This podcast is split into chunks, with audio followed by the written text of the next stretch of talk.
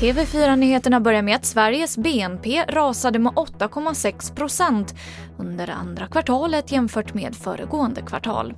Det här visar preliminär statistik från SCB. Och enligt SCB så är detta den största nedgången för ett kvartal på minst 40 år. Robert Bergqvist är chefsekonom på SCB. Ja, det är ju dramatiska tal och det här är ju egentligen också vad vi har sett i andra länder. Men Sverige har ju alltså ett, ett något mindre fall under andra kvartalet än vad vi har sett i resten av Europa och även i, i USA. Vi går vidare till Libanons huvudstad Beirut där över 100 personer har dött efter de två explosionerna i stadens hamn igår.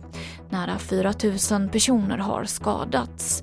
Det här uppger Libanons hälsominister Hamad Hassan. Landets president har utlyst tre dagars landsorg och hela huvudstadsområdet har klassats som katastrofzon. Och till sist kan jag berätta att i juli så var det väldigt få drunkningar i Sverige. Detta till skillnad från juni då det var rekordmånga, rapporterar SVT om. I juli drunknade 10 personer och det här är det lägsta antalet på nästan 30 år.